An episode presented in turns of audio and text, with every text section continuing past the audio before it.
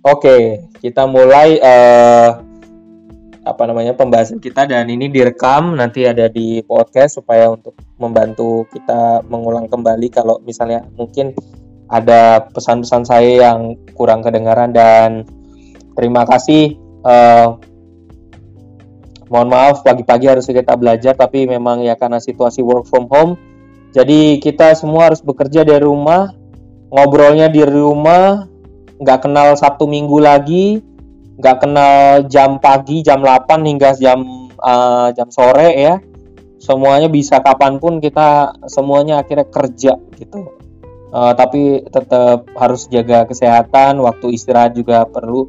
Bahkan kemarin aja saya kerja, coba bayangin ya, pada pada hari libur ya. Tapi memang begitu ya, karena kita tuntutan saat ini ya, gitu. Terima kasih uh, Ibu Heni Uh, tetap semangat walaupun sambil ngantuk. Ibu Dia, Tulung Agung, Cerah, Muhammad Raja, Jakarta Timur, Hujan, uh, Aldi Rizky Riyadi, Bandung Mendung, Said Tanggerang Mendung, Yeni Cikini Mendung, uh, Lina Merita Surabaya tetap cerah, ceria Pak. Andaria Sinuraya Bandung Mendung, Gian Bandung Mendung, Nonita Bandung Mendung, Eka Lastari Surabaya sangat cerah. Kuro Bogor Mendung Sejuk Pak. Muhammad Miswan Bekasi Mendung. Elsa Malang Mendung. Rahmana Febrianti Jakarta Mendung. Pesona Agrata Surabaya. Uh, Hardang. Iya. Hardang apa ya mas? Muhammad Ilal Fauzi Surabaya. Panas waduh.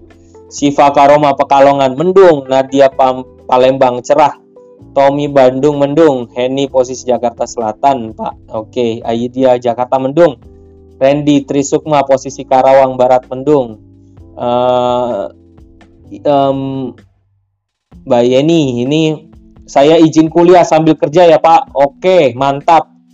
Uh, nanti kalau uh, oke, okay, saya lanjut dulu ya. Siwi Rastri Surabaya cerah, Fernando Jakarta Barat Mendung, Nabila Surabaya cerah, Aryo Bima Tangsel cerah, Oke, baik. Ba terima kasih untuk uh, semuanya. Uh, Agis, Mas Agis, apa kabar? Panas Pak. Uh, posisinya di mana Mas Agis? Mas Agis, Agis, uh, Hafiza, Surabaya cerah. Oke. Terima kasih sekali lagi uh, di Sorong. Semangat ya di Sorong. Tetap semangat untuk semua. Oke. Baik, saya mulai uh, hari ini spesial banget karena hari terakhir kita Vicon dan semoga saya saranin takut saya lupa pertama semua bahan-bahan yang ada yang ada di uh, Pinus Maya khususnya terkait dengan sibi kewarganegaraan tolong di-download buat kenang-kenangan pertama itu oke okay? ya buat kenang-kenangan uh, kedua uh, takut saya lupa jadi hari ini kita ada tes kecil ya, tes kecil supaya tahu saya tahu bahwa Anda hadir uh, punya kehadiran sekaligus menjadi nilai plus buat Anda yang hadir karena saya punya rekamannya, saya punya catatan, saya udah siapin buku saya. Ya. Jadi kita ada kuis uh, kuis sederhana, kuis kecil-kecilan jadi untuk ngebantu nilai uh, naikin untuk uh, nanti untuk uh, untuk langsung ya biasanya langsung UAS UAS itu dari bahannya dari awal sampai akhir mabok mabok deh gitu. Tapi don't worry saya nggak pengen ngebebanin itu. Uh, kalaupun uh, dalam taraf tertentu anda nggak mampu menjawab saya udah siapin uh, apa namanya nilai cadangan gitu ya. Jadi saya pengen memang kalau setiap perkuliahan gitu kita diskusi gitu ya uh, kita tukar pikiran. Terima kasih banget insight-insightnya yang sangat berkembang di forum Binus Maya. Terima kasih banget. Ada yang sekarang tulisan Anda sudah diupload di website Binus. Nah, mantep kan? Cari aja tuh.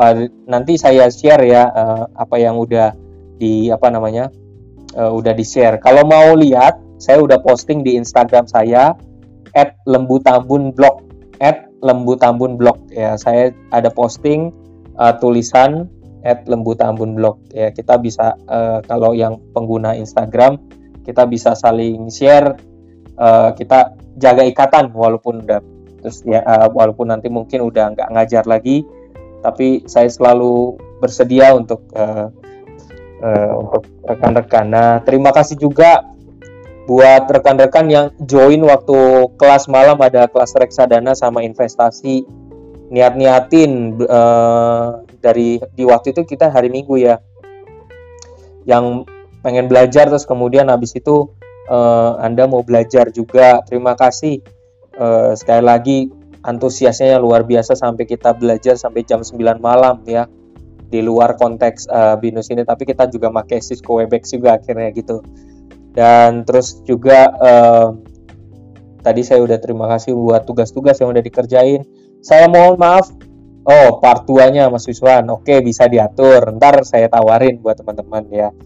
Terus terima kasih juga uh, atas kesetiaannya negur saya kalau misalnya uh, saya uh, tugasnya sering kali telat gitu. Gara-gara work from home ini membuat saya jadi keteteran sebenarnya. Karena uh, tugasnya semuanya harus jadi WA saya harus uh, banyak banget harus kerja jadi ngerubah jam di mana saya harus kayak kalong dan banyak banget yang berubah. Jadi apalagi internetnya juga lemah ya kan semua orang menggunakan internet ya gitu. Jadi trennya marketingnya sekarang adalah kita go virtual.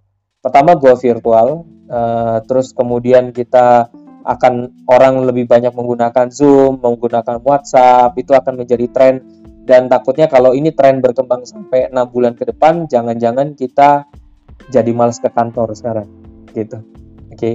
kita jadi agak bingung kalau nanti udah mulai terbiasa biasa lagi, maksudnya seperti awal lagi, kita jadi bingung ya. Gitu. Selamat Hari Pendidikan tanggal hari ini tanggal 2 Mei 2020 untuk memperingati hari lahirnya Ki Hajar Dewantoro ya. Jadi ini penting banget untuk pas banget deh, pas banget gila temanya Mas ya. Dan pendidikan ini namanya juga pendidikan ya. Pendidikan tuh penting buat masyarakat kita. Pendidikan itu eh, apa ya ilmu ya dan kita syukuri Bapak Ibu bersama saya juga kita syukuri bisa mendapatkan pendidikan uh, sampai detik ini gitu ya. Uh, semoga pendidikan yang kita dapat itu benar-benar kita amalkan. Nah, menariknya nanti saya kasih tahu salah satu toko yang saat ini lagi saya gara-gara online terus saya banyak ikut kursus-kursus uh, nonton-nonton uh, diskursus tertentu khususnya uh, saya ikut join dengan mungkin ada yang kenal di sini namanya fashion designer namanya Didit Maulana, Didit Maulana ya. Fashion designer yang khususnya merancang bu bajunya buku eh bajunya uh, Garuda ya, pesawat Garuda bajunya yang untuk premium ya gitu. Oke, saya lanjut ya. Kita akan kita akan sampai jam berapa nih ininya? Saya harus setting dulu mungkin masih oke sampai jam 11 oke saya setting dulu takut kebablasan nanti kalau kita diskusi untuk pertanyaan saya harus pastiin semuanya yang hadir mendapatkan pertanyaan dan nilai sampai jam 11 gitu terima kasih Mbak Dia untuk diingatkan kita udah 951 semoga kita uh, oke okay, 951 semoga kita bisa bahas materinya ini sampai cukuplah sampai jam eh, uh, 10 ya. Oke, saya review aja. Oke. Uh, karena bahan sebenarnya udah di review dari sebelumnya. Nanti saya akan kasih tahu, saya bocorin ada kisi-kisi yang pernah terjadi di tahun lalu. Jadi itu sekalian buat uh, tes, buat tes Anda. Nah, nanti siap-siap nih uh, Bapak Ibu yang ada di rumah, yang ada di saat ini mohon siap uh, siap uh, jawab ya. Saya urutin berdasarkan partisipan dari atas sampai ke bawah. Jadi udah uh, udah acak langsung ya, siap-siap ya. Jadi yang muncul saya langsung catat. Oke, saya langsung aja. Hari ini kita sedikit cuman uh, mereview ada pertanyaan yang saya buat, pertanyaan ringan, tapi kurang lebih dari sesi 10, 11, 12, 13, 14. Ya. Uh, nanti mohon kalau bisa menjawab uh, kalau bisa uh, langsung bisa menjawab tolong dinyalain uh, apa namanya dinyalain mic-nya terus kemudian habis itu silakan utarakan kalau nggak bisa uh, belum bisa jawab, tolong semuanya ditulisnya di chat. Oke, okay? siap-siap ya. Tulisnya di chat. Kalau masih sambil mikir ya mau mau, uh, mau nulis gitu sambil di chat. Ibu Heni, Ibu uh, siap-siap Ibu ya pertanyaannya ya. Boleh uh, ambil papernya sambil lihat papernya sambil buka ya. Oke. Okay. Sesi 12 tentang Oh iya. Sesi 12, warga negara yang baik, nasionalisme. Nasionalisme, uh, nasionalisme adalah satu paham yang menciptakan dan mempertahankan kedaulatan sebuah negara dengan mewujudkan satu konsep identitas bersama. Jadi, nasionalisme bukan sosialisme, bukan demokras, uh, demokratis, bukan liberalis, uh, ya, tapi suatu semangat ya suatu semangat mempertahankan kedaulatan negara kalau kita Pancasila ya nilai-nilai Pancasila itu kita harus junjung tinggi. Nah, itu sifat nasionalisme. Jadi ada identitas bersama yang kita junjung ya. Lanjut. Nah, kita berdoa moga-moga uh, perekonomian kita cepat pulih ya Bapak Ibu supaya uh, ya kita saat ini juga saya dapat dari uh, beberapa uh, dari mentor juga uh, gaya marketing kita nanti ke depannya juga uh, saat ini orang mulai ada empathic society. Jadi empathic society. Jadi orang-orang pada ngumpulin dana ya. Orang-orang yang viral gitu pada ngumpulin dana lewat YouTube, nyanyi bersama segala macam. Empathic society. Jadi memunculkan tapi memang di sisi lain saya juga ngeri dengan empathic society karena takutnya ada orang-orang tertentu yang uh, ngambil keuntungan dari itu. Takutnya dia bikin acara kayak gitu terus ngumpulin. Padahal sebenarnya dia mau ngumpulin dana buat kantongnya sendiri. Nah ini ini bahaya ya kan itu udah masuk di TV soalnya ya gitu. Oke. Okay? jadi uh, kita berdoa semoga pandemi ini cepat selesai. Uh, kita bisa beraktivitas perekonomian cepat pulih kembali. Dan menariknya adalah dari data lima tahun ke belakang uh, saya saya bocorin satu rahasia saya. Ini ada website namanya idnfinancials.com. Semua bapak ibu yang main saham maupun yang nggak main saham atau cuman main reksadana jadi jago deh dijamin kalau buka website ini. Nah, kenapa? Karena seluruh data perusahaan yang eh, yang anda kenal, yang anda lihat, yang ada nyata gitu, seluruh datanya open banget di IDN Financials ini. Oke, saya tarik 10 tahun. Uh, apakah Indonesia berkembang selama 10 tahun terakhir atau lima tahun terakhir? Apakah juga uh, sektor dan industri apa yang berkembang yang mengalahkan pergerakan indeks harga saham gabungan selama lima tahun terakhir? Jawabannya di data di gambar itu tertulis ada komposit adalah indeks harga saham gabungan. Dia selama lima tahun terakhir karena jatuh kemarin wabah itu, maka dia mengalami minus 9,77 persen. Oke, okay? tapi ternyata itu adalah batas IHSG indeks harga saham gabungan itu adalah batas. Nah, ya eh, sebentar. Ya ternyata di atas itu yang paling menonjol dalam perjalanan sejarah kita ya di indeks harga saham gabungan adalah sektor dan industri finance jadi ternyata surplus 29,54 persen. Nah, sektor dan industri industri apa aja yang ada di dalamnya? Nah, Bapak Ibu bisa lihat di idnfinancials.com. Semuanya ada, termasuk yang dimasuk di dalam ini biasanya saham-saham bank, saham-saham yang kasih kredit, finance, ya, tentang keuangan pokoknya. Nah, di situ datanya bisa kebongkar semua. Bapak Bapak Ibu bisa lihat siapa manajemennya, semuanya, datanya, dividennya berapa, keuntungannya berapa, emiten sejenisnya berapa nih saya kasih rahasianya ya. Gak harus main, gak harus anda seorang pemain saham ya, investor saham gak harus. Tapi kalau udah belajar gini, wah jadinya ciamik banget ya. Diakuin biasanya di kantor gitu, atau enggak anda di kalangan teman-teman diakuin jadi lebih pinter gitu. Wah keren banget pokoknya deh, gitu ya. Ini saya bagi rahasianya. Oke. Jadi kalau lihat di gambar grafik yang terakhir, itu jeblok banget. Uh, finance tumbuh paling atas, kemudian semua jeblok. Iya jeblok karena investor asing pada keluar semua.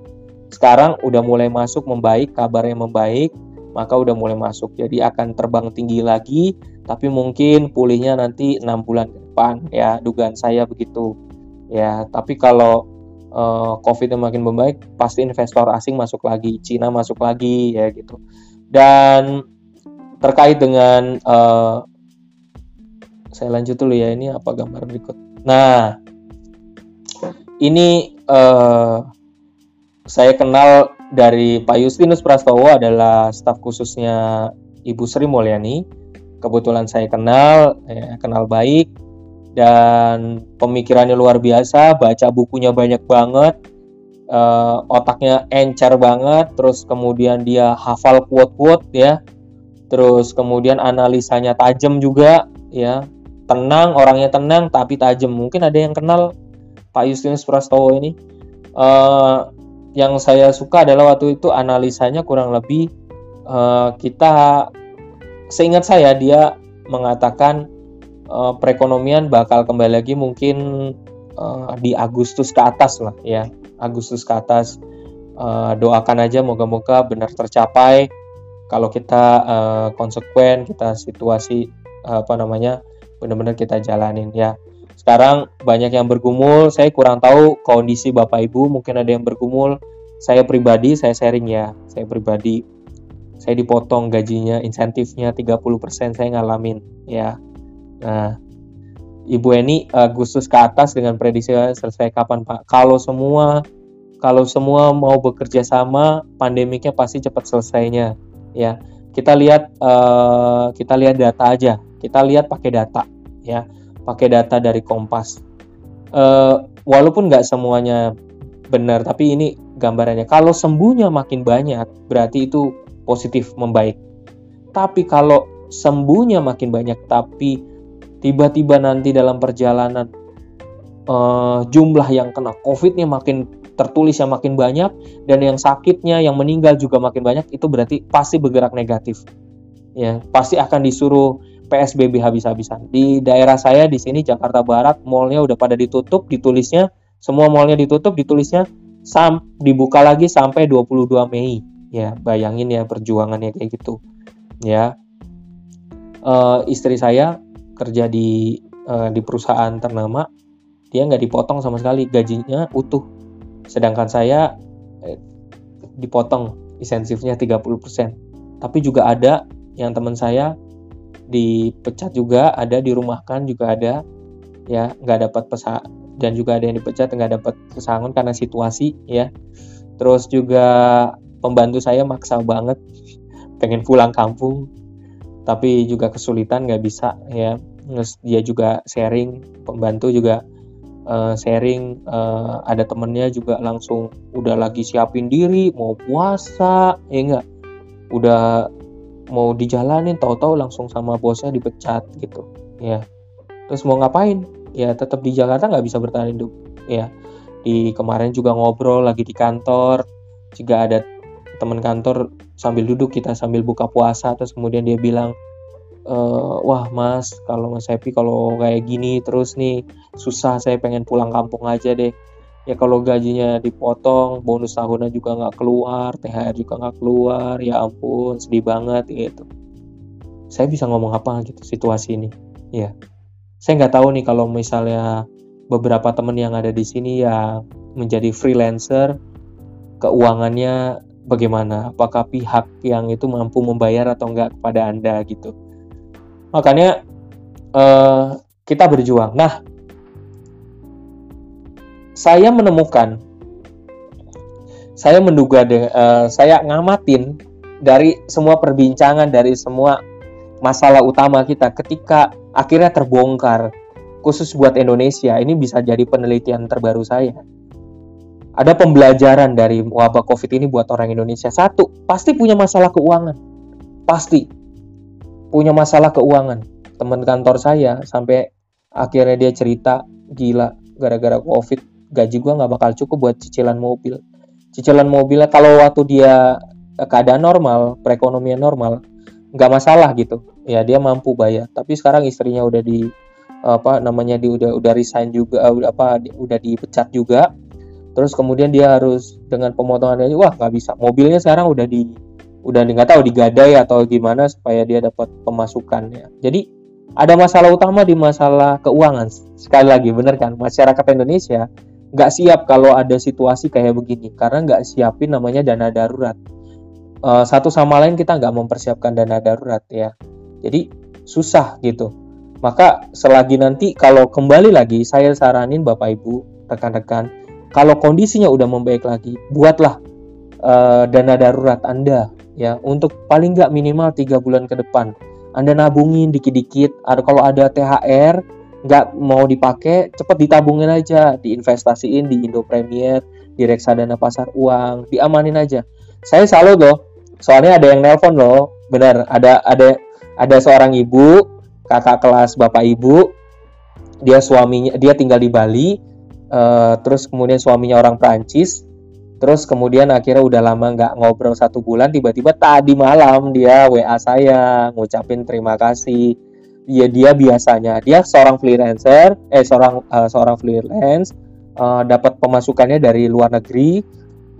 Dia bekerja untuk ngerjain tugas-tugas dari perusahaan besar.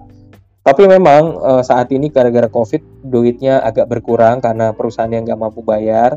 Tapi bersyukur banget karena dia cerita sebelum saya ngajarin uh, dia punya hobi uh, kalau dia bukannya orang yang sering jajan bukan. Tapi sekalinya jajan itu bisa langsungnya harganya mahal banget gitu. Sekarang gara-gara dimasukin saya coba bantu untuk menata duitnya. Sekarang dia bilang pak terima kasih ya saya udah bisa nata uang saya. Uh, suami saya juga terkejut saya sekarang bisa nabung. Terus kemudian investnya duitnya jadi bergerak daripada naruh di bank gitu. Sekarang suaminya jadian dari Prancis juga mau ikutan nabung juga. Nah, jadi ada dampak positif kan? Ya bersyukur gitu. Saya seneng jadinya. Jadi memang masalah utama kita juga masalah keuangan ya masyarakat kita. Seandainya tukang Gojek itu semuanya yang pakai aplikasi diajarin, diedukasi lagi misalnya mereka uh, bikin lagi misalnya kalau saya sih lebih suka. Misalnya kalau di dalam Gojek di aplikasinya Gojeknya kan sekarang kalau nggak salah ada beli emas apa apa ya gitu. Nah ini beli reksadana misalnya gitu. Nah itu lebih lebih masuk akal karena Gojek menjaring banyak orang dan tinggal edukasi aja. Nah itu. Kedua dari ketemu dengan orang-orang masalah persistence kegigihan. Setahu saya persistence itu kegigihan. Eh, mohon maaf jika salah. Uh, kita berusaha untuk gigih tetap walaupun kondisi kayak gini beberapa teman juga kantor yang tadi dengar kan? Bagaimana ngobrolan saya dengan kantor? Nah itu ngungkapin situasi kegigihan tuh kayak gitu gitu. Diskusinya tuh kencang sampai kita tuh sering banget ngajak ngadain zoom diskusi gitu. Itu untuk menunjukkan betapa besar kegigihan kita walaupun uh, kita juga dalam kondisi gajinya dipotong insentifnya 30% nggak tahu bulan depan bisa gajian apa enggak ya saya cuma bisa berdoa. Tapi bersyukur saya bisa bertahan karena saya udah mempersiapkan dari awal dana darurat itu uh, untuk situasi kayak covid ini. Karena situasi ini bisa kapan situasi covid ini bisa datang kapan pun lagi gitu. Ya mungkin bukan namanya covid ya mungkin namanya kora atau apa gitu ya bisa kejadian. Jadi kita harus banyak juga yang keluar dari investasi juga banyak orang-orang yang narik duitnya udah narok lama di asuransi terus kemudian narik karena panik terus kemudian habis itu dia dia juga nggak bisa bayar juga ya kan? Mau diapain lagi? Ya gitu.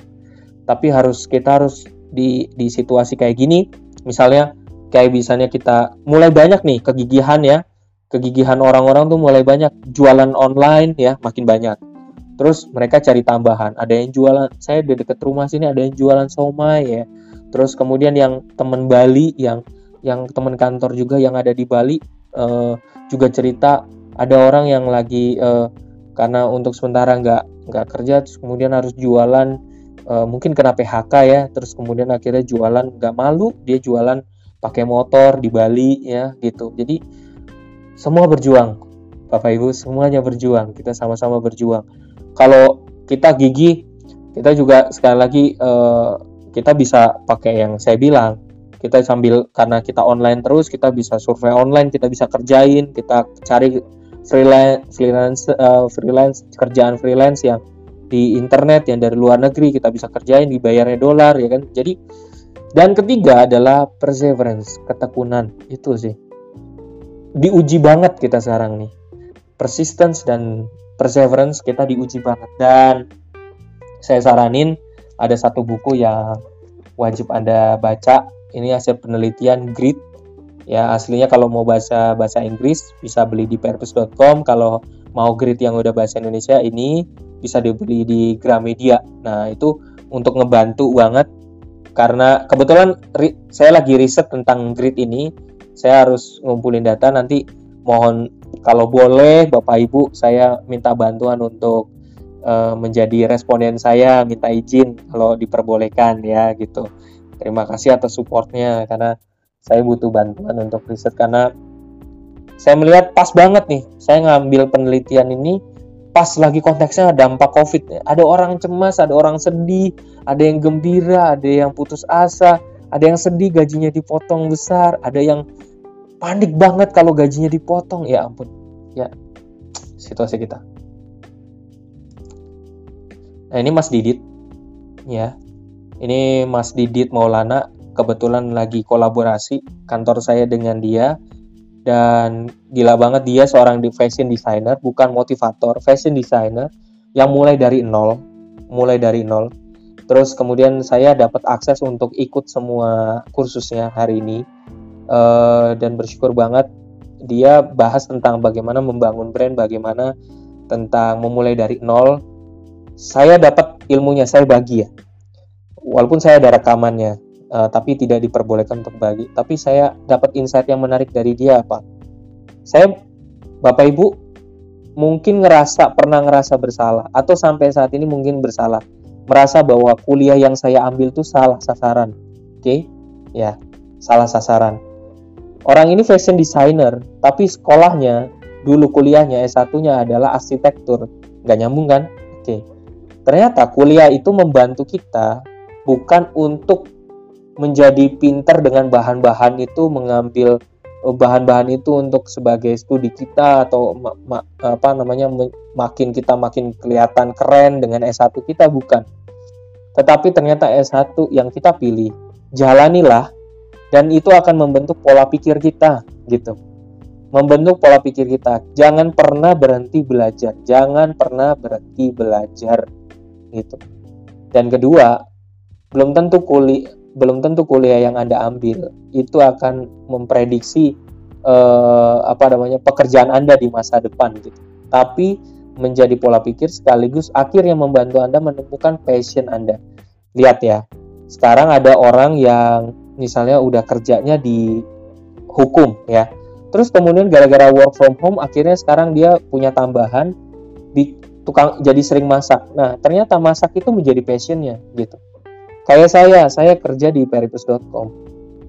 Saya bagian untuk sosial media spesialis, tapi saya punya passion saya. Ternyata saya akhirnya gara-gara dia nih Mas Didit ini, saya punya passion untuk mengulik tentang dunia online gitu. Untuk menjadi blogger, terus kemudian saya juga akhirnya belajar ya di podcaster, ya. Jadi jangan-jangan itu passion saya gitu untuk menjadi motivator, membuat orang, tapi bukan motivator yang jualan banget gitu, enggak, tapi apa ya, akhirnya saya bisa menemukan gitu.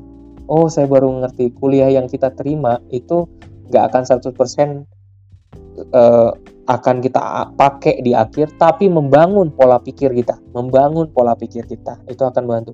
Passionnya nanti dalam perjalanan Anda masing-masing akan menemukan. Nah, itu insightnya dari Mas Dirit. Saya nggak saya kaget dia uh, start kalau mau dengar podcastnya buka uh, buka aja di Spotify jadi gini gitu ya jadi gini. Nanti saya share jadi gini nanti di kita bisa nemuin ya. Nanti saya share ya. Oke ini ada salah satu ini udah 10 lewat 11 ini ada salah satu fintech. Uh, kalau misalnya bapak ibu punya modal gede ya punya modal gede tapi nggak punya usaha nggak usah khawatir. Karena ada investri yang udah terdaftar secara OJK dan menurut saya aplikasinya jauh lebih detail daripada Amarta maupun Coinworks yaitu adalah investri. Karena data perusahaannya diperlihatkan dia klasifikasi diperlihatkan semuanya grade-nya diperlihatkan. Kalau mau mengguna kalau anda punya seorang pemodal duitnya gede misalnya mau diputar di mana lagi ya? Di reksadana mungkin gue nggak biasa. Gue pengen bangun usaha nih tapi bingung mau mulai dari mana nggak punya usaha. Ya udah invest saja di investri bisa ya. Saya nggak rekomend tapi saya berdasarkan pengalaman oke? Okay? dan dari pengalaman uh, dampak covid ya 19 ternyata benar juga kalau anda ini membantu banget untuk apa namanya membangun usaha. Dan pas saya lagi covid gini saya analisa lagi ternyata benar ya kalau lagi dampak covid ya mereka juga nggak bisa bayar ya gitu ya. Situasinya sama-sama sulit nih. Perekonomian soalnya berhenti gitu. Nggak berhenti total tapi melambat lah gitu.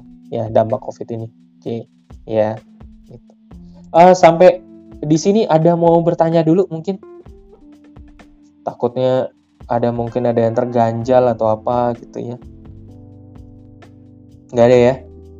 Tanya aja kalau misalnya ada yang mau nanya langsung di chat aja ya gitu oke ini hadiah dari saya 8 situs nonton buat apa ini buat refreshing aja sih gitu ya. Buat refreshing ya. Nah eh, saya lupa apakah saya pernah bagi ini. Tapi kurang lebih saya udah pernah bagi ini belum ya? Ini ilmu saya karena kita pertemuan terakhir maka uh, saya kasih ilmu digital marketing saya buat Bapak Ibu supaya karena ini memang konteksnya uh, konteksnya adalah karena kita di Indonesia dan kita harus tahu banyak ilmu sebenarnya yang di internet itu orang Indonesia tuh harus tahu benar. Oke, okay. ada satu website namanya alexa.com punyanya Amazon. Alexa ini bisa memprediksi dia bisa memprediksi top top 500 site untuk orang Eh, di country-nya di Indonesia. Nah, kita kita bisa lihat top 500 site uh, website apa yang ter 500 teratas ya, di Indonesia. Itu bisa buka aja alexa.com dan lihat menu paling bawah lalu pilih kalau nggak salah di sana ada pilihan top 500 site kayak gitu. Jadi ini membantu kita dalam pekerjaan kita, membantu uh, tahu di mana kita harus uh, apa namanya apa sih yang sangat viral? Website apa yang sebenarnya sangat viral? Alat ukurnya mana? Menurut saya alexa.com itu jempolan gitu. Jadi saya bagi resepnya. Kedua, uh, kalau misalnya mau buat uh, kontak misalnya ya satu link uh, namanya kontak.com. Kalau ingin membuat satu link ketika satu link itu masuk dan di sana ada misalnya Anda punya referensi uh, tentang website-website tertentu atau tentang Anda mau biografi buat Anda, misalnya alamat emailnya ini buat segala macam, bisa pakai kontak.com. Oke, ada orang bilang sekarang kalau misalnya diskusi-diskusi pakai uh, kalau linknya kepanjangan pakai Bitly. Nah, Bitly itu bisa udah terkenal banget kan Bitly ya, kayak gitu. Bitly itu sebenarnya trennya populernya sempat ada di masa di mana Bitly ini dipakai untuk uh, short uh, mohon maaf ya kalimat saya ya uh, untuk pornografi ya paling viral Bitly ini untuk short uh, website membuat untuk bikin lebih singkat. Tapi waktu itu ada masa di mana Bitly ini dipakai waktu trennya kalau nggak salah kaskus ya. Trennya kaskus ya. Jadi ini dipak banyak dipakai. Z Library. Ini kalau mau beli buku ya asli lebih baik belinya di Gramedia. Kalau mau beli buku impor bisa di periplus.com bisa di Books Beyond bisa Book Depository tapi uh, kalau memang koceknya kurang banget terus kemudian perekonomian kita lagi sulit ya Bapak Ibu bisa download di Z Library jangan jangan tanya lebih dari itu oke okay? gitu dan tolong uh, karena ini di antara kita aja jangan di share itu nggak boleh oke okay? nah kalau mau cari ada yang bapak ibu uh, rekan-rekan yang mau cari tambahan uang ya sekali lagi saya uh, bapak ibu saya ajak untuk bergabung di Join Appen Global atau sebenarnya kayaknya websitenya udah berubah Career Appen Global Nah, di sana bisa jadi kalau Anda jago bahasa Inggris, bisa jadi guru bahasa Inggris untuk terjemahin. Kalau jago di sosial media, Anda bisa terlibat di sana lumayan. Alat ukur yang banyak orang Indonesia nggak tahu, alat ukur dalam digital marketing yang sangat bagus untuk mengukur kemampuan satu website.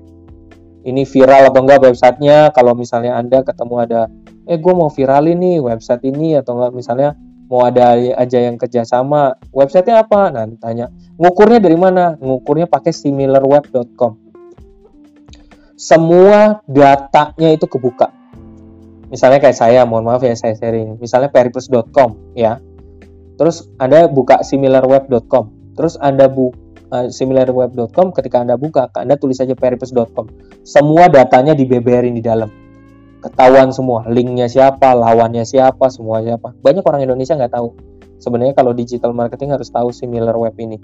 Dulu Alexa memberikan itu, tapi sekarang harus berbayar. Oke. Bagi Bapak Ibu yang memang mau cari tambahan juga untuk apa nambah uang saku dolar atau euro bisa masuk ke Survei Polis karena di sana ternyata ada pilihan buat orang Indonesia. Nah, banyak yang nggak tahu. Dan ini tadi malam barusan ada yang ngobrol. Jam ada yang nanya ke saya jam 2 pagi. Mas Epi, itu yang survei online apa namanya ya? Itu. Uh, saya nih download nih di aplikasi itu saya apa namanya Clip Labs, Clip Labs. Terus aduh, Bro, kalau misalnya menjebak mendingan gak usah deh, Bro, gitu. Kalau ternyata data lo akhirnya diambil, mendingan yang pasti-pasti aja lah, udah buka aja websitenya survei polis ya. Oke. Ini saya walaupun nggak ada kaitannya dengan Pancasila bukan CB Pancasila tapi ada satu orang namanya yang saya kenal baik namanya Mansi Suseno uh, orang ini mengabdikan hidupnya. Dia orang Jerman orang yang uh, dulu dia uh, guru saya uh, dosen saya di STF Dirgantara dan masalahnya adalah dia adalah orang yang mengalami masa uh, apa namanya Nazi ya Nazi. Habis itu dia pindah ke Indonesia, tapi justru ketika dia pindah ke Indonesia dia nggak bisa lupa sejarah Nazi, tapi orangnya Indonesia banget. Dia apal wayang-wayang, dia semuanya hafal, terus kemudian dia lebih wise orangnya dan dia didapat penghargaan dari Pak Jokowi sebagai orang yang orang Jerman tapi totalitas banget buat Indonesia. Yang menarik buat saya adalah ternyata dia mengatakan Indonesia nggak bisa hancur karena Indonesia udah punya Pancasila gitu. Jadi ideologinya nggak akan bisa berubah dan Pancasila itu nggak akan boleh berubah gitu. Dan pemimpin, seorang pemimpin itu uh, harus punya keteladanan. Jadi mungkin dia berkaca juga melihat sosoknya Jokowi yang menampilkan sebuah keteladanan. Kalau saya kenapa saya bilang gitu? Saya pernah pernah ngerasain di zamannya Soeharto masih hidup masih hidup dan bagaimana bedanya langsung bedanya antara Presiden Soeharto dan Presiden Jokowi itu beda banget ya kalau di masa Soeharto berasa presiden tuh jauh banget, tapi dia seperti mengancam gitu masyarakatnya ya, meneror masyarakatnya gitu, ngeri gitu ya, bikin takut gitu. Tapi kalau Jokowi udah zamannya sosial media sekarang, mainannya di sosial media. Apa-apa diupload ke YouTube, apa-apa diupload ke Instagram. Jadi kita yang jauh jadi dekat gitu. Ya. Kita jadi tahu langsung apa perkembangan, langsung nggak pakai orang yang keberapa dulu yang nyampein ya gitu ya. Nggak nggak ada yang ditutup tutupin jadi langsung to the point walaupun banyak kritik juga. Oke. Bapak ibu ada pertanyaan nggak buat saya nih? Kayaknya.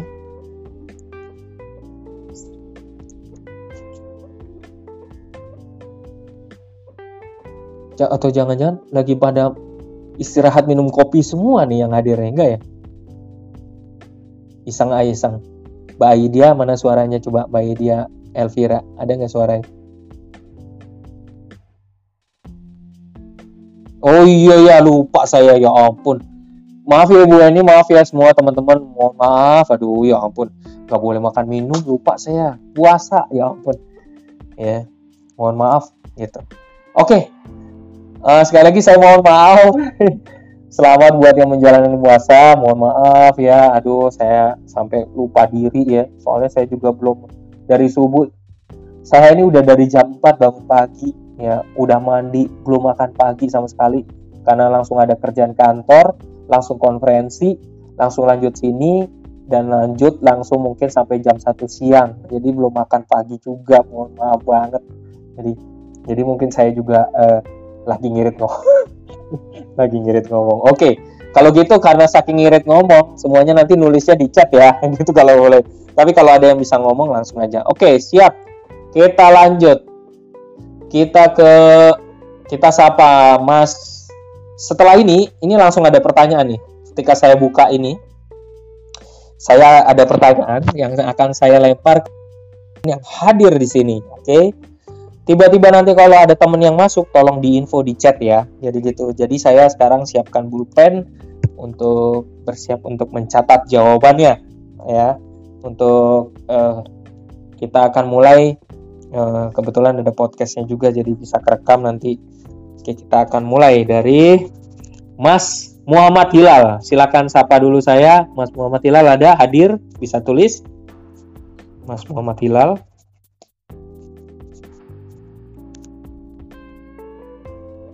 Halo Mas Muhammad Hilal. Fauzi. Di aja. Belum nongol nih? Gak ada? Saya lompat ya kalau nggak ada ya. Oh, siap Mas. Oke. Pertanyaan nomor satu. Ya, siap-siap mas. Pertanyaan nomor satu. Oke. Saya cuma minta, uh, ini record ya, Mas Muhammad Hilal. Saya cuma minta, uh, tolong jawab, jelaskan siapa warga negara Indonesia. Oke, dah itu, ya. Dicari, dibuka, diposting di chatnya. Oke, lanjut. Saya cuma tanya, jelaskan siapa warga negara Indonesia. Mas Gian Gustaf Gunawan. Nomor dua, tolong jelaskan pengertian negara. Ya. Mas Gian Gustaf. Tolong tuliskan pengertian negara. Oke. Mbak Kiki. Sahna eh, untuk Kiki sah nakri takut saya salah orang mendingan pakai ya tolong tuliskan pengertian wawasan Nusantara Indonesia ya saya tulis ya. Ini saya pakai buku soalnya. Kiki Sahnakri oke. Tolong tuliskan pengertian aja wawasan Nusantara Indonesia. Oke.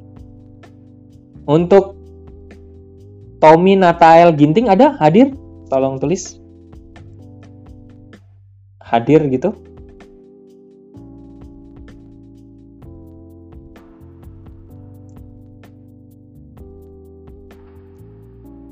Oke, tadi Kiki Sahna Kri ada nggak? Tolong tulis hadir ya. Saya mau mastiin bahwa HP-nya benar-benar, uh, maksudnya hadir gitu walaupun. Oke, siap. Untuk Tommy Natael Ginting ya tuliskan tiga isu global ya tuliskan tiga isu global yang saat ini ya jadi jangan yang lampau yang deket-deket aja yang saat ini ya tiga isu global yang menjadi perhatian uh, warga global ya gitu tiga isu global aja ya kalau udah ketemu jawabannya langsung posting. Ya langsung. Untuk Mas Muhammad Hilal, Mas Gian Gustaf, kalau udah ketemu jawabannya langsung posting. Oke. Okay? Oke. Okay. Berikutnya saya lanjut ya. Tadi Mas Tommy, berikutnya. Berikutnya adalah apakah hadir Aldiris Kia eh, Aldiris Kiriadi saya tulis ya.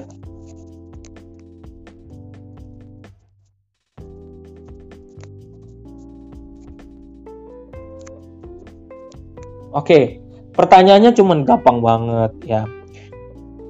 Itu apa sebut apa yang dimaksud dengan hak?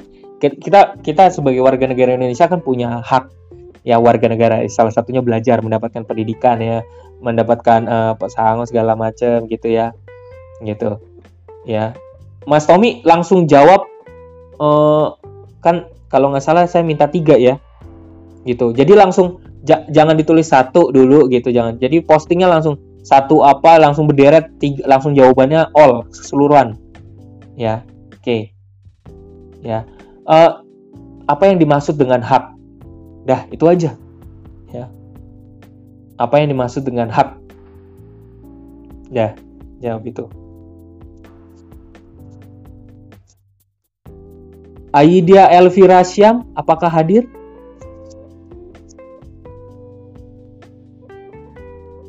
Oke, saya pindah, saya naikin dulu chat saya nih.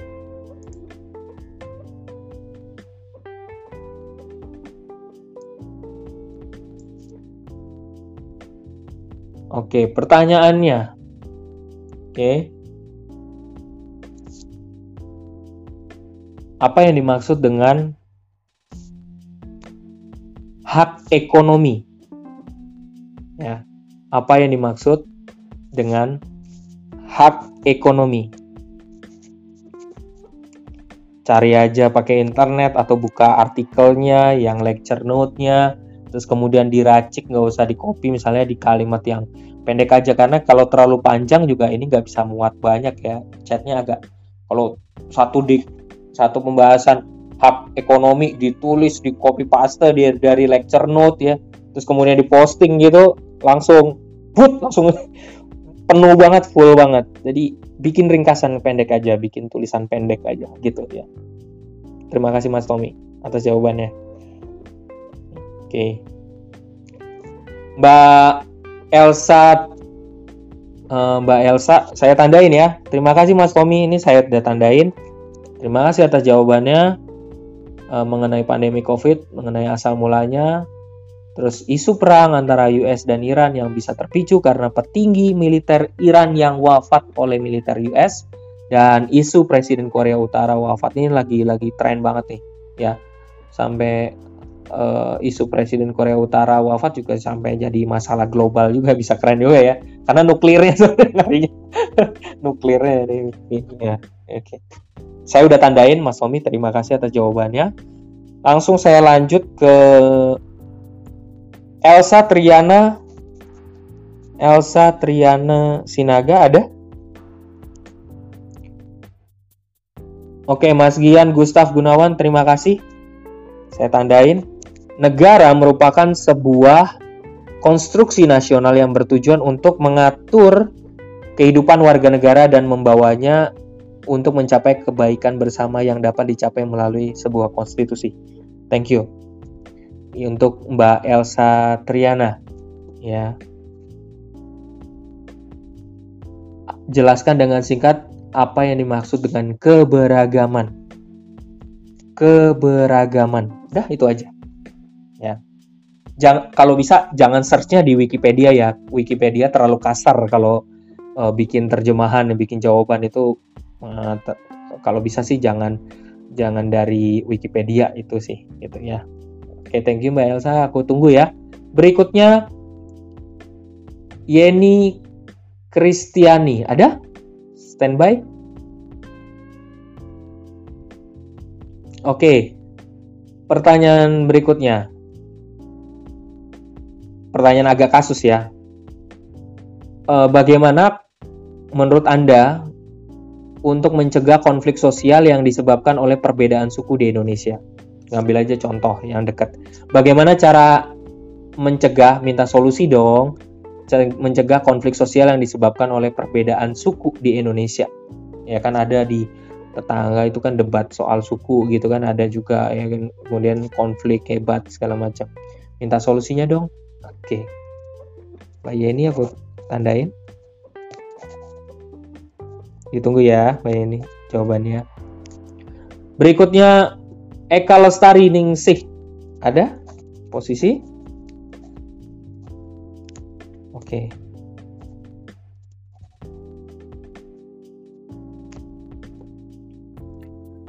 Di lecture note itu ada namanya uh, di ketahanan nasional itu ada salah satu modal selain ada uh, modal manusia, ada modal uh, fisiknya juga. Terus kemudian ada salah satu adalah modal sosial.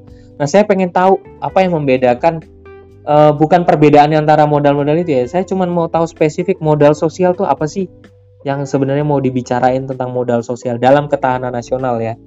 ya.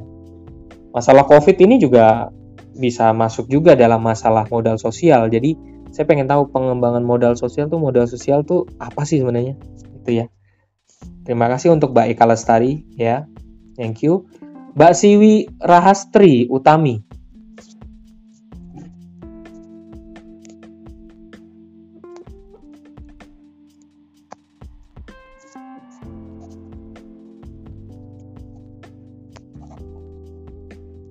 Berikutnya ya,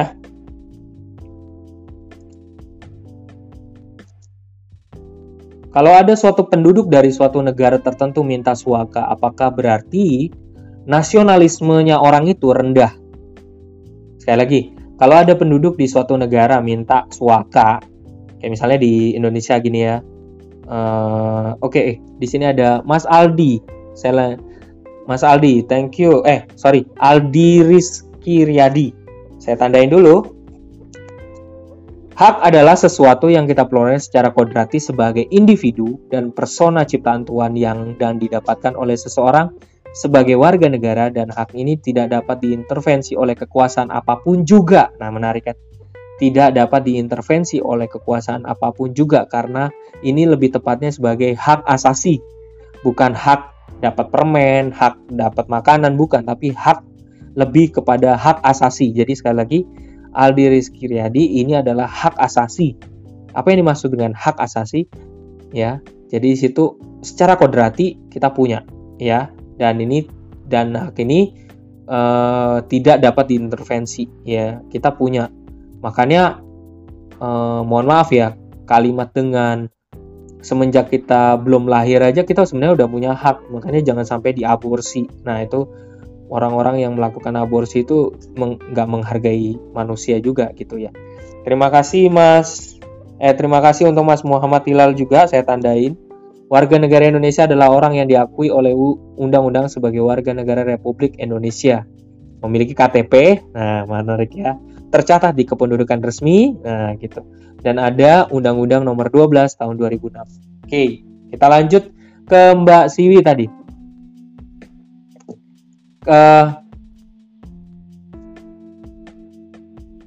Mbak Siwi, uh, kalau ada suatu dari negara tertentu minta suaka, apakah berarti nasionalisme orang itu rendah banget? Karena di Jakarta sini, di Kalideres ini banyak banget orang yang minta suaka. Apakah berarti mereka memiliki nas rasa nasionalisme terhadap negaranya sendiri itu lemah atau enggak? Oke. Berikutnya saya lompat dulu ya, nanti jawaban untuk Rahmana Febrianto ada?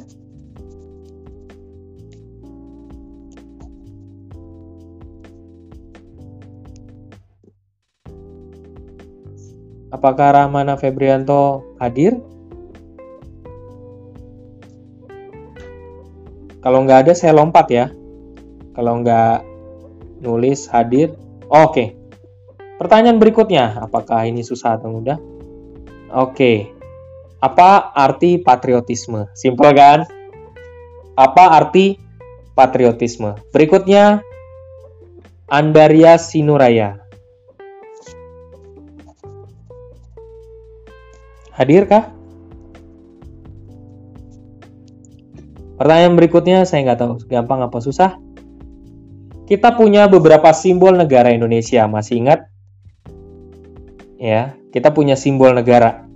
Oke, mana simbol ne mana simbol negara yang paling membantu untuk mendorong? Lihat dulu di lecture note simbol negara, simbol-simbol negara ya Indonesia, ya simbol Coba ada tuh di bagian khusus simbol negara. Saya nggak mau kasih tahu tapi ada. Terus mana simbol yang menurut Anda paling membantu mendorong orang tuh membangkitkan rasa nasionalisme dalam konteks Indonesia aja ya. Jangan secara global. Jangan seluruh negara jangan. Tapi untuk konteks Indonesia dari pengalaman Anda sendiri mana yang simbol negara kita yang apa yang yang bisa membantu uh, rasa nasionalisme itu cepat tingginya gitu mencintai Indonesia sendiri gitu ya. Oke. Berikutnya Apakah hadir Ulin Nuha?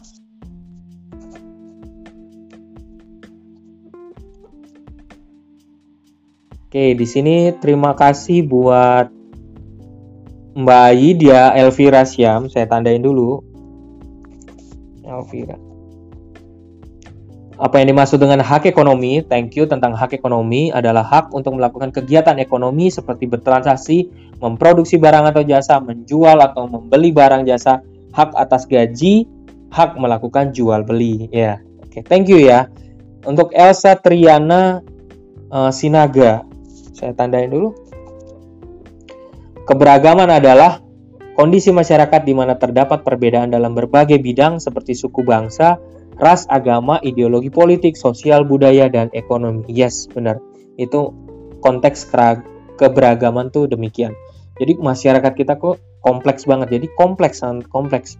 Kita di mana kita tinggal, punya bagai bahasa, ada bahasa yang beda, persepsi yang berbeda, ideologinya berbeda, konteks sosial budayanya satu sama lain berbeda, ekonominya juga berbeda, ada yang ada yang miskin banget, ada yang kelas menengah, ada yang kaya banget ya. Jadi beda-beda. Terima kasih.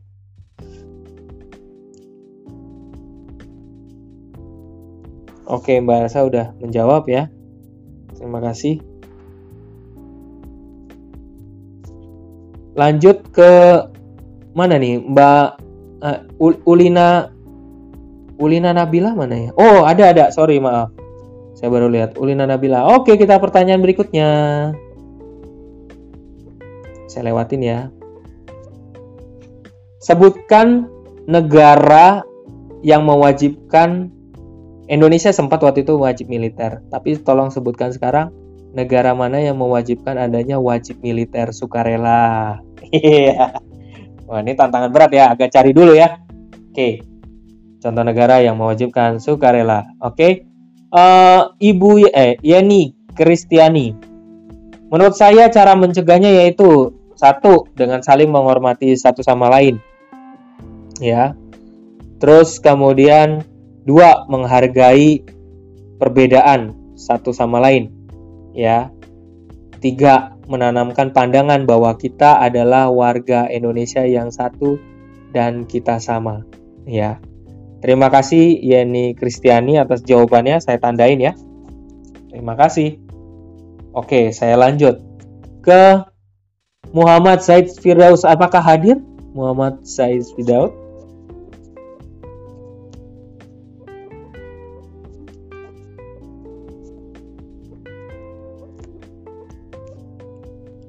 Oke, lanjut ya pertanyaannya. Jangan ini, jangan kesan uh, minta tanggapannya nih, Mas Muhammad. Waktu itu kita agak mundur ke belakang ya. Waktu itu uh, desas-desusnya harga satu masker tuh 100 ribu yang N95 ya. Waktu pas awal-awal uh, masker gitu ya. Itu luar biasa banget. Bagaimana tanggapan Mas Muhammad tentang yang mungkin aja di Tokopedia sekarang ada yang sekarang udah bukan jualan masker lagi, sekarang jual uh, cairan buat apa namanya cuci tangan ya gitu. Kalau tanggapannya dong, kalau misalnya harganya tuh mahal banget kayak gimana? Mungkin ada yang masih ma masang harga di Tokopedia harganya mahal. Minta tanggapannya, Mas. Apa pun itu. Thank you, Mas. Mas Muhammad Said Fidraus Berikutnya, apakah hadir Mbak Nonita Sari Sihite? Oke, Mbak Nonita. Oke, saya lanjut dulu ya pertanyaan buat Mbak Nonita biar memberikan waktu. Uh, jangan yang gampang.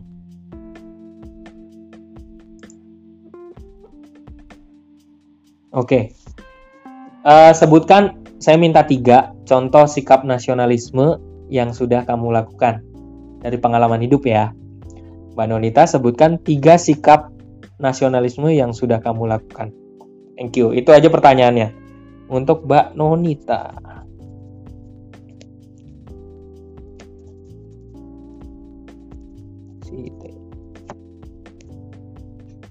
Terima kasih buat Mbak Eka Lestari, dimensi sosial menjadi modal penting dalam ketahanan negara. Hubungan antara warga negara menunjukkan apakah sebuah negara memiliki ketahanan sosial yang baik. Semakin tinggi solidaritas antara masyarakat, maka semakin tinggi modal sosial yang dimiliki oleh negara tersebut.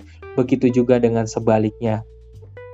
Ketika solidaritas antara masyarakat rendah, maka modal sosial yang dimiliki uh, solidaritas itu rendah, maka modal sosial yang dimiliki negara tersebut juga rendah. Nah, Makanya itu kenapa negara Indonesia sekarang saat ini lagi pandemik ini, maka kita mengarah ke empathic society gitu, empathic society di mana semua orang yang mungkin kelas menengah atas kemudian mengadakan uh, galang dana bersama. Semoga tulus ya mereka menggalang dana untuk membantu Gojek, untuk membantu yang susah, membagi makanan, polisi, katanya mertua saya ada polisi yang kerjaannya tiap hari masak nasi. Kemudian habis itu dia sorenya dia di jalan dibagi-bagi makan pada saat buka puasa wow luar biasa banget ya. Itu menurut saya luar biasa banget itu e, karya seperti itu. Terima kasih Mbak Eka Lestari. Berikutnya jawaban dari uh, Kiki Sahnakri. Yang saya baca dari lecture note ya dibahas bahwa wawasan Nusantara karena temanya tadi wawasan Nusantara pertanyaannya secara etimologi berasal dari kata wawas yang memiliki arti pandangan, tinjauan, atau penglihatan indrawi. Sedangkan Nusantara artinya kepulauan yang terletak antara dua benua, yakni Asia dan Australia, dua samudra. Saya juga membaca mengenai wawasan Nusantara Lemhanas tahun 1999. Cara pandang sikap bangsa Indonesia mengenai diri dan lingkungan yang serba beragam dan bernilai strategis mengutamakan persamaan. Ya, eh, persatuan dan kesatuan. Saya ingat jadi filmnya uh, filmnya Soekarno ya filmnya Soekarno ya tentang hal itu gitu. oke berikutnya dulu nih uh, berikan untuk Aryo Bima ya berikan satu contoh semangat cinta tanah air nah, berikan satu contoh semangat cinta tanah air Aryo Bima oke Berikutnya saya lanjut Aryo Bima uh, semoga hadir. Oke. Okay. Ya, beri cinta tanah air. Terus kemudian Lina Merita hadir. Takutnya waktunya nggak cukup nih. Lina Merita hadir. Oke. Pertanyaan berikutnya langsung ya. Pernah dengar konsep Car Free Day nggak? Nah, di mana aja tempat yang mengadakan Car Free Day? Coba gampang ya. Itu Car Free Day di mana aja nih, ya. Oke, coba ya ditulis ya negara apa tempat mana aja yang mengadakan Car Free. Oke. Terus Muhammad Fernando ada hadir?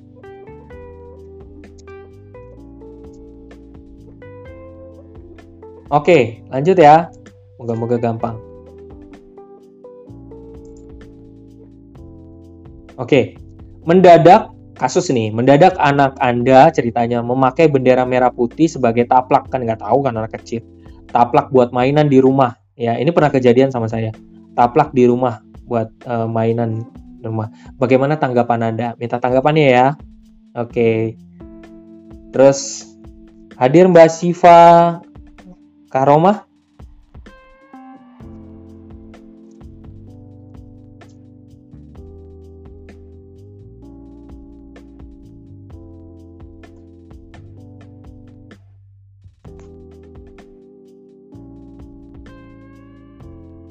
Mbak Syifa Karoma ada? Kalau nggak ada saya lewatin ya. Saya tandain khusus nih. Oke, saya lanjut. Fahrul sudah sudah ruman.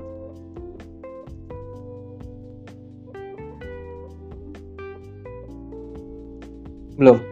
Uh, belum Mas Agit. Sabar ya. Fahrul sudah ruman ada? Oke, siap. Mantap.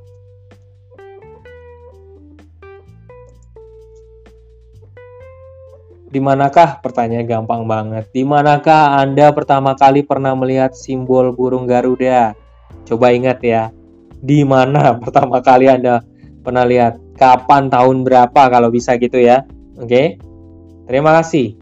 Lanjut. Hafiza Narindra. Ada?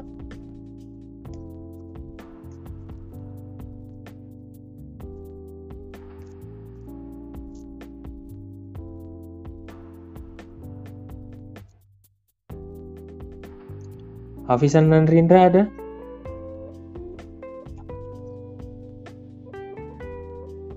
Hafizan Narindra? Kalau nggak ada saya lewatin ya. Oh ada, ada, ada, ada. Oke. Pertanyaan berikutnya. Nah, ini film namanya Crash Landing on You. Oke. Nasionalisme yang ditanamkan kalau di Korea Selatan itu suka banget namanya pasang iklan atau pasang foto prajurit atau uh, orang-orang di sana uh, nampilin toko prajurit, film-film juga banyak nampilin tentang konsep-konsep prajurit. Nah, kalau Indonesia supaya nasionalismenya berkembang harus nampilin apa ya? Nah, ayo putar otak nih buat Afisa Narindra supaya nasionalisme di Indonesia tuh bisa berkembang banget gitu. Oke? Okay? Ya, terima kasih ya. Gitu. Mas Aryo Bima kayaknya jawabannya ada yang terputus mungkin itu ya. Lanjut ya, Muhammad Miswan nih. Mana nih? Hadir nggak? Oke, berikutnya apakah susah atau gampang nih pertanyaannya? Wow, gampang banget. Cuman dimintai tolong. Lambangnya ketuhanan yang Maha Esa di burung Garuda lambangnya apa? Lambangnya. Ya. Kalau bisa dikasih tahu sedikit kenapa lambangnya itu, gitu. Gak apa-apa ya, boleh. Lanjut ya. Sekarang Mas Agits.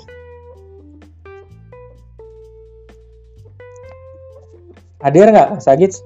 Mana nih orangnya?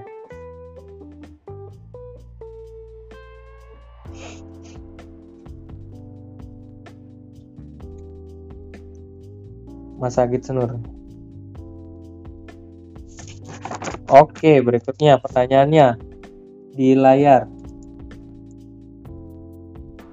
Gampang banget Mas Agit. Lambangnya sila kelima di burung Garuda Pancasila apa? Oke. Ya, lambangnya. Oke, berikutnya Randy Trisukma ada?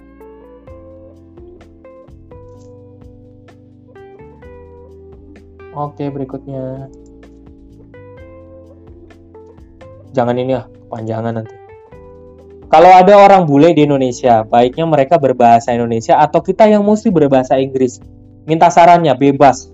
Minta sarannya, oke? Okay? Saya tunggu jawabannya.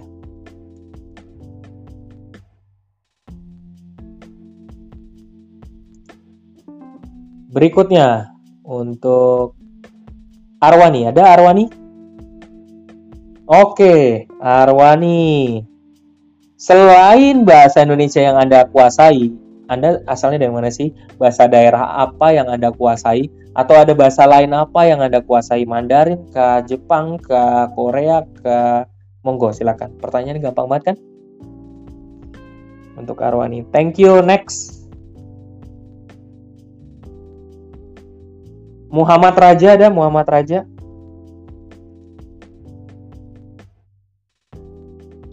Mana nih Muhammad Raja nih? Oke, hadir Muhammad Raja Fadilah.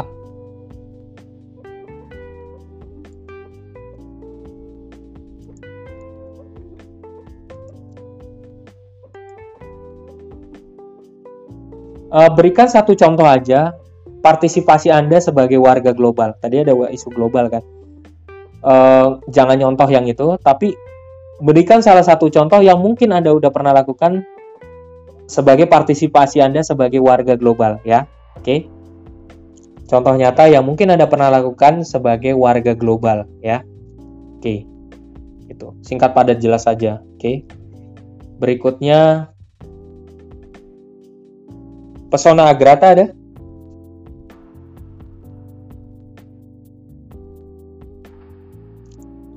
Lanjut ya.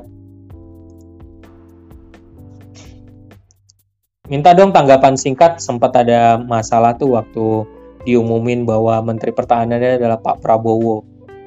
Ada yang jengkel, ada yang nggak suka. Kalau menurut Anda sendiri waktu Pak Prabowo diangkat, minta dong komennya. Bagaimana tanggapan Anda waktu Pak Prabowo itu dipilih menjadi Menteri Pertahanan? Mungkin pernah tahu itu? Siap, ditunggu ya. Singkat padat jelas. Nadia Lukita?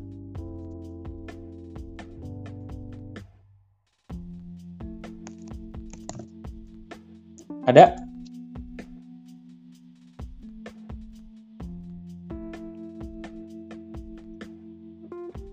Oh, Siva Karoma. Oke. Pak, maaf tadi saya dipanggil. Sebentar.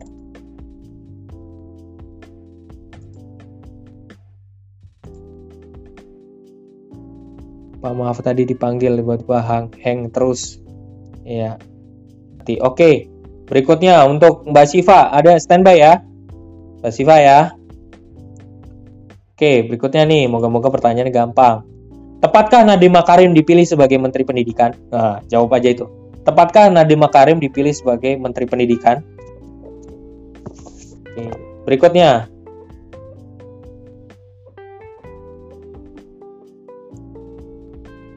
Ibu Heni ada?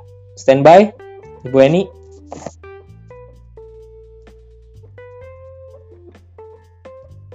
Bu Yeni ini? Oh, Nadia Lukita. Oh, sorry sorry Mbak Nadia. Oke oke oke oke, sorry.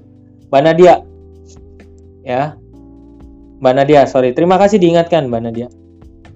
Nah, KFC menerapkan sistem beberes sendiri. McDonald menerapkan tanpa sedotan. Stasiun KRL mengajarkan jalan jalur cepat di eskalator, ya kan? Jalur cepat gitu ya. Kira-kira bisa mendidik bangsa kita nggak itu? Cara-cara seperti itu ya. Uh, udah terrealisasi dengan baik belum? Nah itu ya untuk Nadia lu kita ya. Sorry ya maaf ya. Udah dijawab aja itu. Uh, dijawab. Nggak usah panjang-panjang sering kes mungkin tapi saya padet padet buat ibu Eni pertanyaannya uh, Cipe, uh, seleksi CPNS 2019 itu akhirnya melewati satu pintu lewat website atau situs daring. Menurut Anda bagus atau enggak cara seperti itu ya dengan seleksi menggunakan lewat website atau situs daring? Apakah itu ma makin uh, dengan cara seperti itu berarti menunjukkan perkembangan yang luar biasa atau makin merosot? Minta saran ya Ibu Eni. Kuratul Eni ada?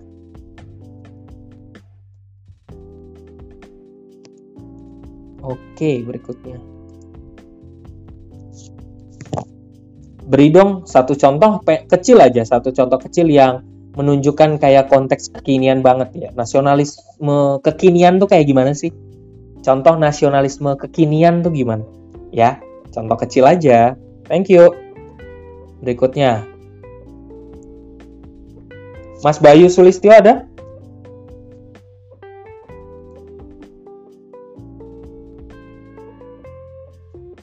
Mas Bayu Sulistyo, apakah gampang atau susah nih? Menurut Anda, apakah e-commerce semacam Blibli, Tokopedia, dan Shopee sudah memperlihatkan adanya rasa nasionalisme? Menurut Anda, apakah e-commerce seperti Blibli, Tokopedia, Shopee sudahkah memperlihatkan adanya rasa, rasa, nasionalisme di sana? Singkat padat jelas, oke? Okay? Thank you untuk Mas Bayu. Terakhir, untuk Mbak Dia. Ada Mbak Dia yuk. Thank you Mbak Dia yuk. Pas banget nih catatan saya paling bawah. Moga-moga gampang soalnya. Menurut Anda ya, mengapa sebagian orang besar masih berambisius masuk PNS dibandingkan menjadi wirausaha atau enggak kerja di perusahaan uh, menjadi karyawan swasta? Minta sarannya. Oke, itu aja mengapa ya sebagian besar orang tuh masih berambisius masuk PNS dibandingkan menjadi wiraswa, wirausaha atau uh, uh, membangun itu atau enggak jadi karyawan uh, karyawan swasta gitu ya. Kenapa orang masih berambisius masuk PNS? Terima kasih untuk Mbak Dia orang yang terakhir. Apa uh, semoga semuanya uh, bisa menulis jawabannya. Saya tunggu uh, sekarang jawabannya. Saya data dulu. Tadi kalau nggak salah terakhir itu sudah ada yang jawab. Saya copy dulu deh jawabannya di Word supaya takut nggak lupa. Dari Muhammad Miswan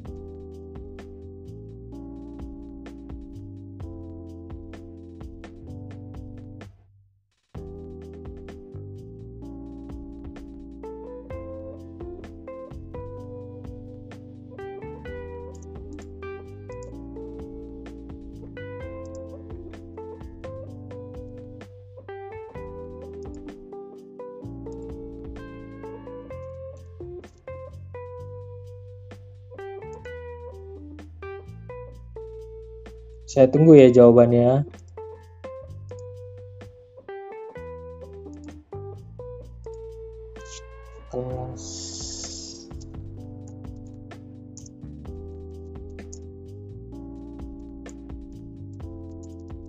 Jawaban di Cisco WebEx. Saya catat nih, saya buat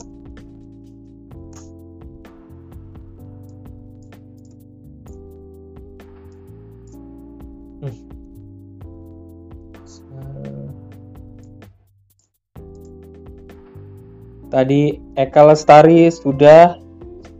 Berikutnya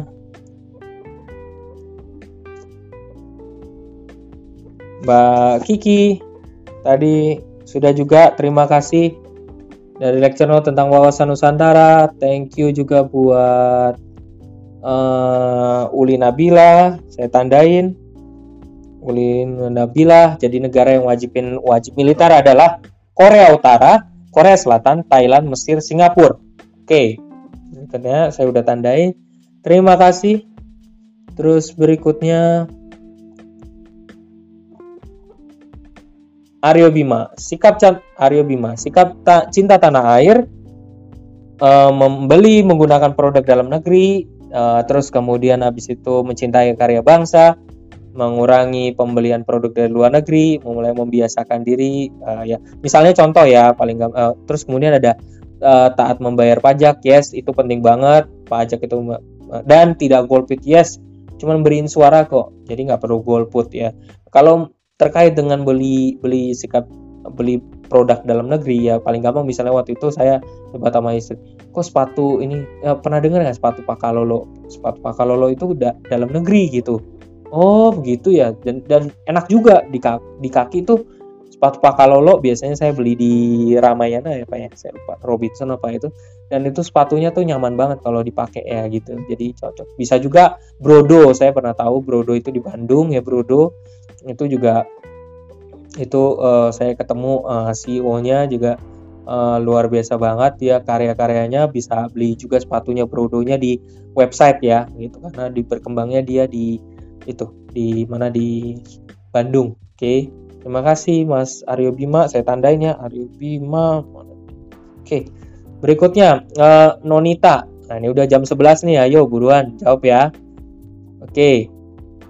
uh, Nonita Sari Sihite. Sikap nasionalisme yang sudah saya terapkan dalam kehidupan sehari-hari, jaga ketertiban masyarakat, terus kemudian memelihara kebudayaan yang ada di Indonesia, menjaga kerukunan dan toleransi umat beragama. Terima kasih Mbak Nonita. Oke, okay, thank you. Berikutnya Mas Watfaiz Firdaus. Mana nih namanya? Oke. Okay. Seiring bertambahnya kasus dan kepanikan warga, harga masker medis naik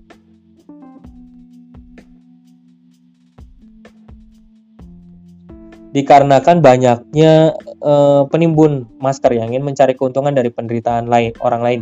Tentunya ini perilaku yang tidak manusiawi. Untungnya untungnya setelah pemerintah uh, membolehkan masker kain, maka permintaan masker kurang diminati. Thank you. Mas Muhammad Zaid, Firdaus, terima kasih. Mas Farul Sudaruman. Farul Sudaruman. Thank you saya masih ingat pertama kali melihat burung garuda itu di masih duduk di bangku taman kanak-kanak ya tahun 2001 nah, terpasang papan tulis yes dan ini membekas banget juga buat saya waktu itu pengenalan Pancasila dan lagu Indonesia Raya thank you Siwira Astri Utami ada Thank you jawabannya. Menurut saya tidak. Sebab penduduk yang melakukan suaka karena negara terjadi konflik sehingga keberadaannya terancam atau ketidakadilan pemerintahan di negara tersebut. Contoh beberapa negara seperti Suriah, Afghanistan, Irak, Myanmar, Nigeria, eh Nigeria ya. Thank you ya Mbak Siwi ya. Terima kasih atas jawabannya ya. Hafisa Narindra. Hafisa Narindra.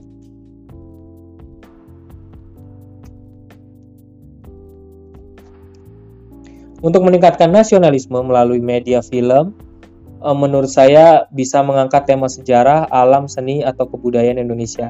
Atau bisa juga mengambil tema perjuang seperti di Korea Selatan yang dikemas yang dikemas dengan alur dan sinematografi yang menarik dan dapat ditonton semua kalangan, kemudian dikemas dengan promosi yang baik sehingga pesan film tersebut tersampaikan dengan baik. Yes, berarti kita fokusnya di film ya. Indonesia belum bangkit filmnya, ya.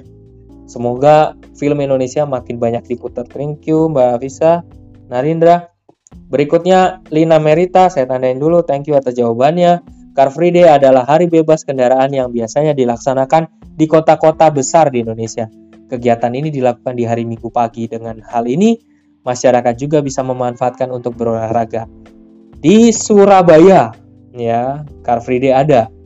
Terus kemudian di Taman di, di Taman Bungkul, Jalan Tunjungan, Jalan Raya Jemur Sari, daerah Kenjeran, di Sudirman, Jalan Saharjo, Kota Malang ada, di Pare Kediri ada, Jombang ada, Kota Jogja ada, Kota Solo ada, jangan sampai lupa Bekasi ada. Ya. Thank you, terima kasih udah saya tandain. Andaria Sinuraya,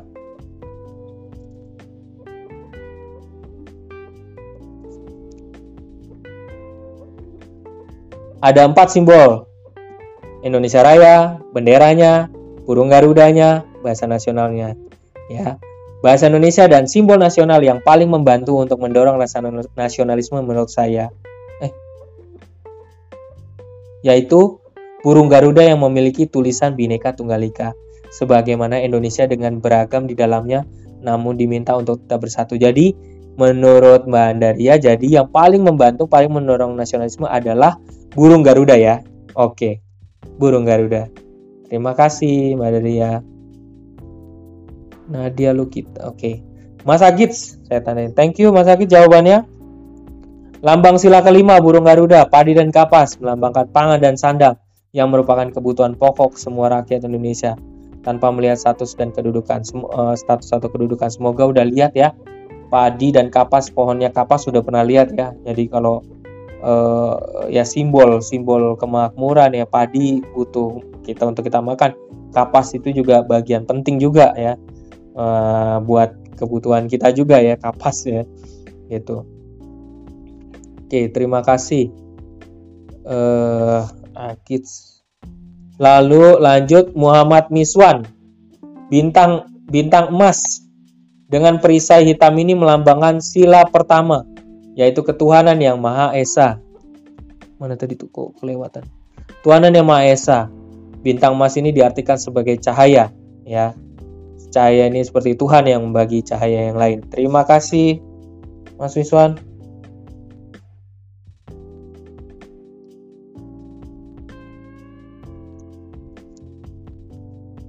Wiswan, oke. Okay. Berikutnya Patriotisme Ramana Febrianto, patriotisme, sikap berani, pantang menyerah, dan rela berkorban demi bangsa dan negara. Oke, Mbak Aroni terima kasih. Bahasa da yaitu jawabannya adalah bahasa daerah. Bahasa Jawanya 40%, bahasa Sundanya 40%. Bahasa lainnya bahasa Inggrisnya adalah 30%. Terima kasih Arwani. Uh, bahasa yang saya kuasai uh, bahasa daerah. Oke. Okay. Rendri Trisukma, terima kasih atas jawabannya menurut saya harusnya bisa menggunakan bahasa Indonesia dong orang bule. Karena dalam bahasa Inggris apakah bisa kalau saya bertanya kepada turis bahasa Inggris apa bisa bahasa Indonesia? Bila harus bahasa Indonesia kalau tidak bisa sambil mengajarkan turis berbahasa Indonesia. Yes benar banget. Memang orang Indonesia tuh pinter banget bisa berbahasa macam-macam kadang-kadang saking bisa pinternya berbahasa asing kita malah masuk ke bahasa asing dibandingkan untuk uh, bahasa Indonesia sendiri. Oke. okay. Uh, terus kemudian kemudian Muhammad Raja Fadilah. Terima kasih Mas Muhammad Raja Fadilah. Contohnya nyata partisipasi saya sebagai warga global yaitu saat sedang ramainya isu global masalah pembantaian dan pengisolasian muslim Uyghur 2019 saya menemukan tweets dan Twitter tentang nasib tahanan muslim. Saya bantu ikut menyebarkan berita tersebut dengan harapan banyak orang yang peduli dengan mereka. Ya, terima kasih uh, untuk Mas Muhammad Raja Fadilah. Thank you. Randy Trisukma karena kita karena bisa saling belajar bahasa masing-masing. Thank you. Mas Bayu Sulistio, menurut saya e-commerce tersebut sudah menerapkan meskipun sedikit nasionalisme. E-commerce selalu melakukan banyak event yang tidak secara langsung seperti event Kartini, Hari Batik, Hari Kemerdekaan. Thank you banget itu untuk meningkatkan kita uh, terhadap uh, Indonesia ya. Thank you banget. Shiva Karomah, menurut saya tentang Nadiem Makarim tadi ya. Menurut saya Nadiem Makarim tepat dipilih sebagai Menteri Pendidikan karena seperti yang kita lihat, background Nadiem merupakan pendiri dan CEO Gojek Indonesia yang merupakan startup bisnis yang sukses jadi Gojek membawa perubahan untuk masa depan dari sejumlah prestasi yang dimilikinya. Ya, pasti dia memiliki trik-trik itu. Menurut Mas Pesona Agrata, terima kasih atas jawabannya. Menurut saya Pak Prabowo diangkat menjadi Menteri Pertahanan karena merupakan pilihan yang tepat karena memiliki latar belakang dan track record beliau sesuai dengan bidangnya. Ya, terus memang ada pro kontra, tapi uh, beliau sempat tidak men eh Diam-diam beliau sempat tidak menandatangani semua proyek agendan Alkusista yang markupnya lebih dari 10% yang dapat menghemat anggaran negara 50 triliun dari hal tersebut. Kebijakan beliau sangat relevan menjadi Menteri Pertahanan karena memang sangat sesuai dengan latar belakang dan track recordnya. Ibu Heni Sri Hasuti, pendaftaran seleksi CPNS, terima kasih atas jawabannya. Pendaftaran seleksi CPNS 2019 melalui website atau situs daring merupakan perkembangan yang positif mengingat teknologi yang sudah semakin maju, e, biaya efisien hemat, terus kemudian tenaganya juga hemat, metode pintu websitenya juga mengurangi menghindarkan praktek nepotisme sehingga PNS yang tersaring berkualitas. Dari terima kasih untuk Kuratul ini, contoh nasionalisme kekinian yaitu menurut saya memanfaatkan era digital untuk mengembangkan wawasan kita, berupa kreativitas atau pengetahuan yang bisa dimanfaatkan di kehidupan sehari-hari. Terima kasih, Mbak. Karena mer e, menurut Mbak ini jawabannya. Karena menurut saya, kenapa orang masih berambisius masuk PNS? Karena seperti invest atau memiliki jaminan hingga masa tua. Mungkin zaman sekarang sudah banyak orang yang berwirausaha untuk bisnis sampingan. Tapi kalau PNS dari segi gaji seperti sudah wajib diterima setiap bulannya dan tidak ada istilah jatuh bangun seperti orang berwirausaha hanya saja berusaha untuk menaikkan jenjang karir dengan prestasi dan loyalitas saat bekerja. Karena menjadi PNS minim bahkan tidak ada mengeluarkan modal seperti wirausaha. Saya lihat sampai sekarang kerja PNS lebih ringan daripada karyawan biasa. Karena lebih jelas jam kerjanya, bagaimana alurnya, lebih ke dalam jaminan tuanya, jaminan tuanya. Tetapi menjadi PNS bisa dikatakan bisa membantu negara jika memiliki loyalitas dalam bekerja. Semoga PNS lebih amanah.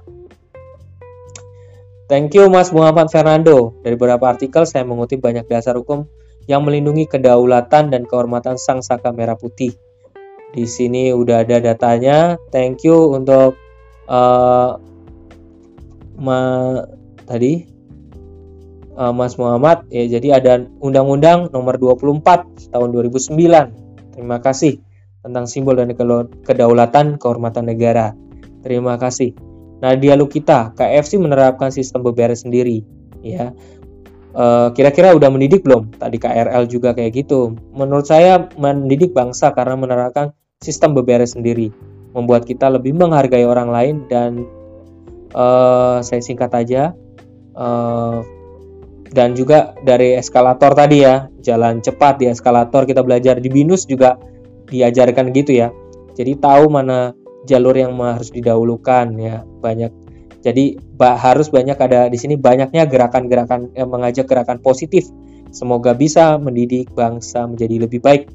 Oke, Muhammad Fernando, saya sebagai orang tua Jika anak saya menyalahgunakan bendera merah putih yang bertentangan dengan kedaulatannya, saya akan menasihatinya dan menjelaskan makna dan simbol kepada anak saya. Saya akan jelaskan dengan menyesuaikan kata-kata yang dapat diterima dan dimengerti oleh anak. Terima kasih. Oke, okay.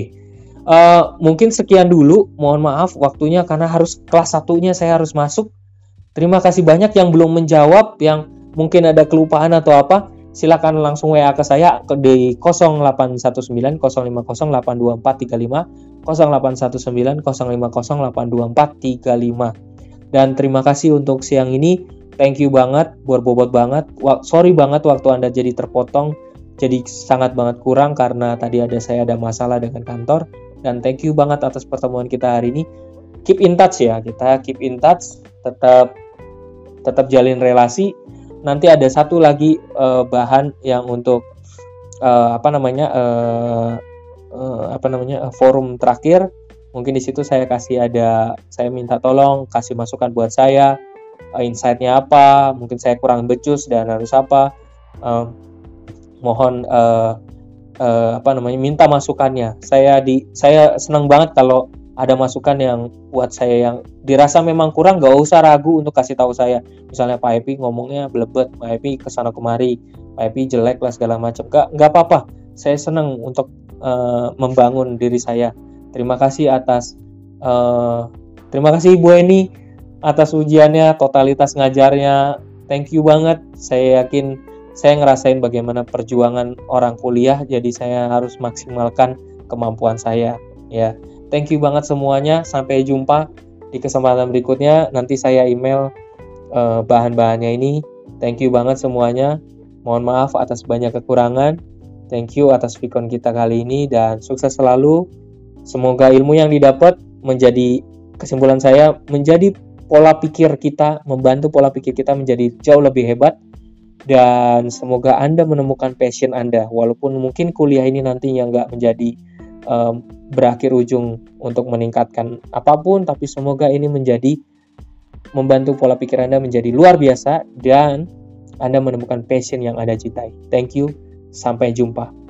Uh, untuk part 2-nya tentang saham nanti akan saya info. Mas Miswan selalu dukung, support saya selalu. Thank you ya. Bye bye. Bye bye, miss you. Bye bye. Bye bye.